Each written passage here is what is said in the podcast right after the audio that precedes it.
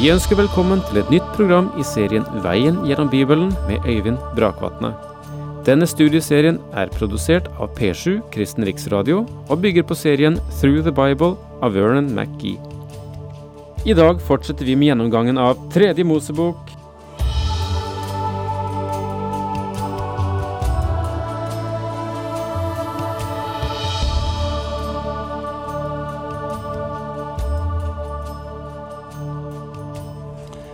Vi befinner oss i tredje Mosebok, kapittel 16.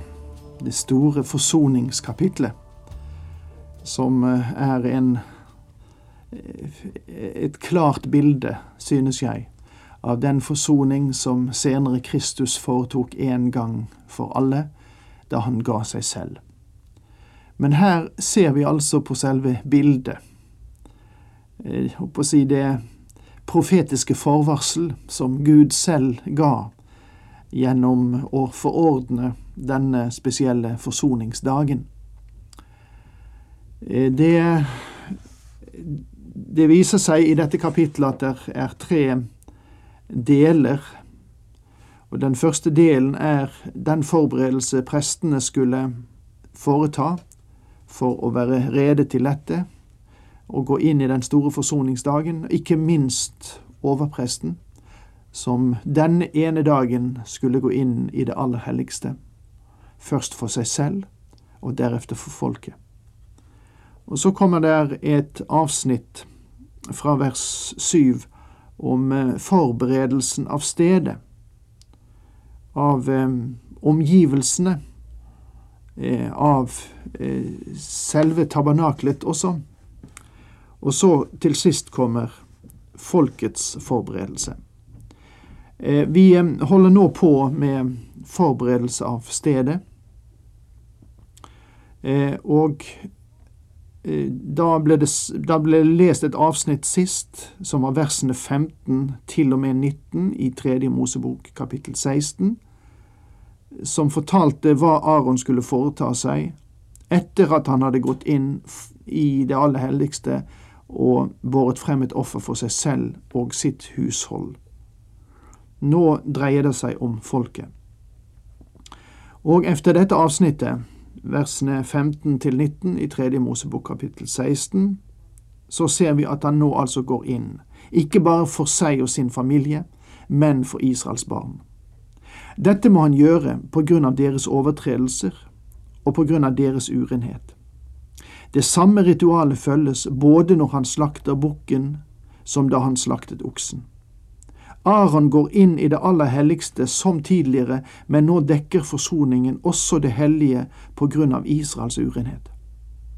Selv kobberalteret må ha bestenkning av blod, fordi det var her at Israels synd ble bekjent og forsont. Det er forurenset på grunn av folkets synd. Alt dette skal minne oss om den ene som døde på korset for oss. Det er ikke korset som er viktig. Den viktige er Han som døde på korset.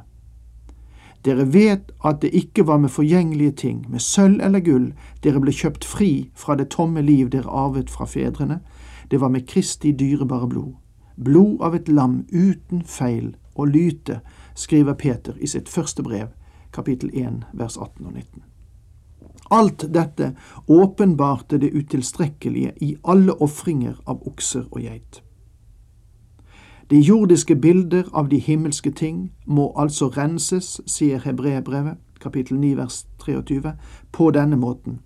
Men selve den himmelske helligdommen må renses ved offer som er bedre enn disse. Jeg tror at Jesus Kristus bar fram sitt blod i himmelen, og han tok det til det aller helligste der. Det aller helligste i tabernaklet er bare et bilde av det.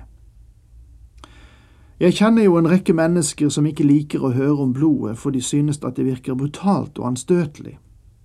Men legg merke til at apostelen Peter kaller det Kristi dyrebare blod. Jeg tror at Kristi blod vil være ved Guds trone for å minne oss gjennom evigheters uendelighet at vår frelse ble brakt til veie med en pris som er høyere enn vi forstår. Kristus ga sitt blod på korset, og så presenterte han det for dine synder og mine synder. Vi er blitt forløst gjennom Kristi dyrebare blod. Så kommer vi nå til den siste delen av dette kapitlet som går på folkets forberedelse. Og så står det fra vers 20 slik. Når Aron har fullført soningen for helligdommen, møtetelt og alteret, skal han føre fram den levende bukken. Han skal legge begge hendene på bukkens hode og bekjenne over den alle israelittenes misgjerninger, overtredelser og synder, og legge dem på bukkens hode. Så skal han sende den ut i ødemarken med en mann som står ferdig. Bukken skal bære alle deres synder med seg ut i villmarken, og mannen skal slippe den der i ødemarken.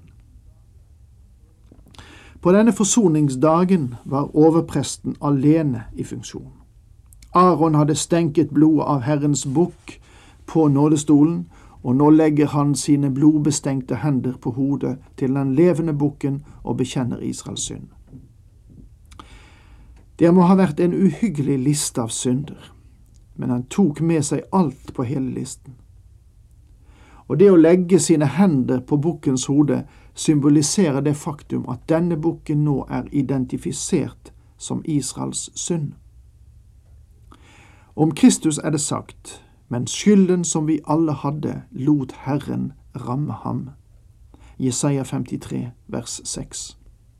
Han som ikke visste av synd, har han gjort til synd for oss, istemmer Paulus i 2. Korintiabrev 5,21. Det er en realitet.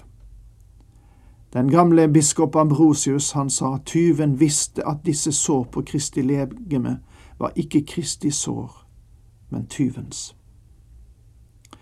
Deretter lot Aron bukken føres ut ved en som sto klar til det, og israelittene ble stasjonert langs ruten for å se at jobben ble gjort. Den levende bukken forsvant til slutt i ørkenen for senere aldri å bli sett eller funnet igjen. Nyheten om at bukken var borte, ble signalisert fra gruppe til gruppe, så at det få minutter senere ble meddelt i tempelet. På samme måte som nyhetene ble sendt videre, mann til mann, så ble de gode nyhetene at Kristus har tatt bort våre synder, sendt fra Matteus, Markus, Lukas og Johannes, til Paulus, så videre til alle kirkens fedre og til sist frem til meg og deg. Kristus har tatt bort våre synder helt og fullt. Syndebukken er illustrasjon for flere skrifthenvisninger i den forbindelse. Så langt som øst er fra vest, tar han våre synder bort fra oss, står det i Salme 103, vers 12. Se, det som var bittert, skriver Jesaja, er blitt til gagn for meg. Du har spart mitt liv, så jeg ikke går til grunne i graven, for alle mine synder har du kastet bak din rygg. Jesaja 38, vers 17. Og han fortsetter videre i kapittel 44. Jeg stryker dine overtredelser bort som en tåke, og dine synder som en sky. Vend om til meg, jeg løser deg ut. I de dager, når den tid kommer, lyder ordet fra Herren, skal de lete etter Israels skyld, men forgjeves, etter Judas synd, men den finnes ikke, for jeg tilgir dem jeg lar bli igjen. Slik skriver Jeremias, kapittel 50, vers 20. Og så tar vi med et sitat til fra Jeremia, kapittel 31, vers 34.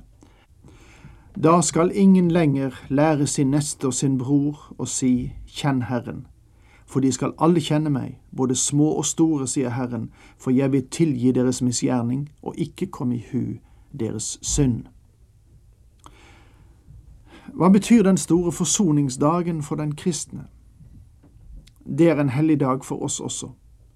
Når overpresten er der med sine hender merket av blod og legger dem på bukkens hode, så tenker jeg på Herren på korset. Johannes pekte ham ut. Se, der er Guds lam som bærer verdens synd. Johannes 1, 29.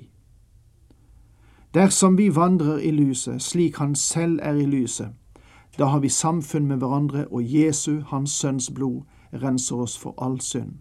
1. Johannes 1, 7. En gammel rektor sa det slik, troen overfører vår synd. Kristus fjerner den, Gud glemmer den. Deretter skal Aron gå inn i møteteltet og ta av seg linklærne som han hadde på da han gikk inn i helligdommen, og han skal legge dem der. Han skal bade sitt legeme på et hellig sted, ta på seg sine egne klær og så gå ut og ofre brennofferet for seg og brennofferet for folket. Slik skal han gjøre soning for seg og for folket. Ritualet for den store forsoningsdagen er nå avsluttet. Uten å være respektløs, så la meg få si at det som nå står tilbake for Aron å gjøre, var å vaske opp, gjøre i stand. Dette har ikke noe motstykke i Kristus.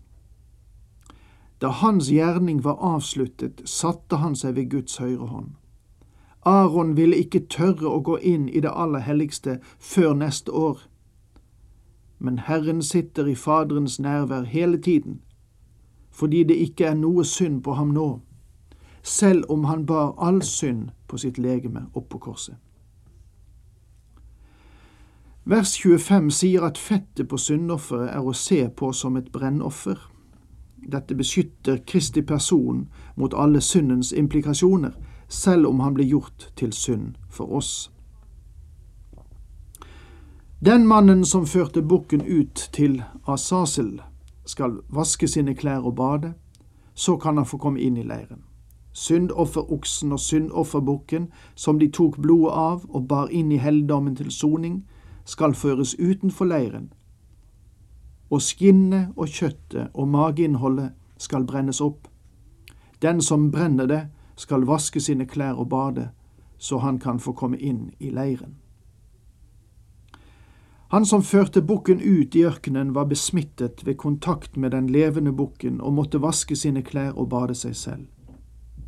Likene av oksen og bukken ble ført utenfor leiren og brent der, og de som hadde ansvar for å gjøre det, måtte etterpå vaske seg. Og la meg få peke på at Gud understreket gjennom det for dem at de var syndere. Han viser dem at han er hellig, og at synd adskiller fra Gud og besmitter. Mine venner, vi var adskilt fra Gud på grunn av vår synd, men Kristus døde for oss. Han er den som tok bort våre synder da han gikk inn i det helligste med sitt eget blod. Dette skal være en evig lov for dere. Den tiende dag i den sjuende måneden skal dere faste og ikke gjøre noe slags arbeid, verken den som er født og fostret i landet, eller innflytteren som bor iblant dere. For den dagen skal det gjøres soning for dere og dere skal renses for alle deres synder, så dere blir rene for Herren. En høyhellig sabbat skal dere holde, og da skal dere faste. Det er en evig lov.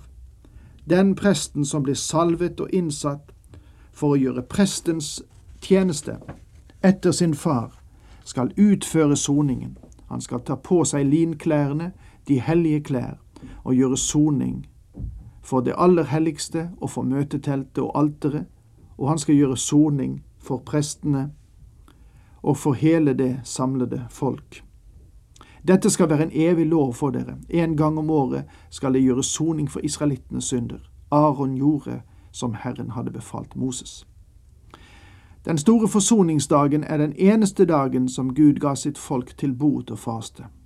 På den dagen sier ingen glad jom kippur, for det er ikke slik som denne dagen bør feires. Det var den dagen da sjelen skulle kjenne forferdelse på grunn av synd. Det var sorg over synd. Og dette er noe av grunnlaget for faste i Det gamle testamentet. Denne dagen skulle holdes ved like inntil det endegyldige offer kom. Det ble fullbyrdet av Kristus i hans død. La meg bare avslutte med et gammelt salmevers. O, la aldri noensinne korsets tre meg gå av minne som deg frelsens fyrste bar. Men la kors og død og smerte tale, rope til mitt hjerte hva min frelse kostet har. Takk for nå, Herren med deg.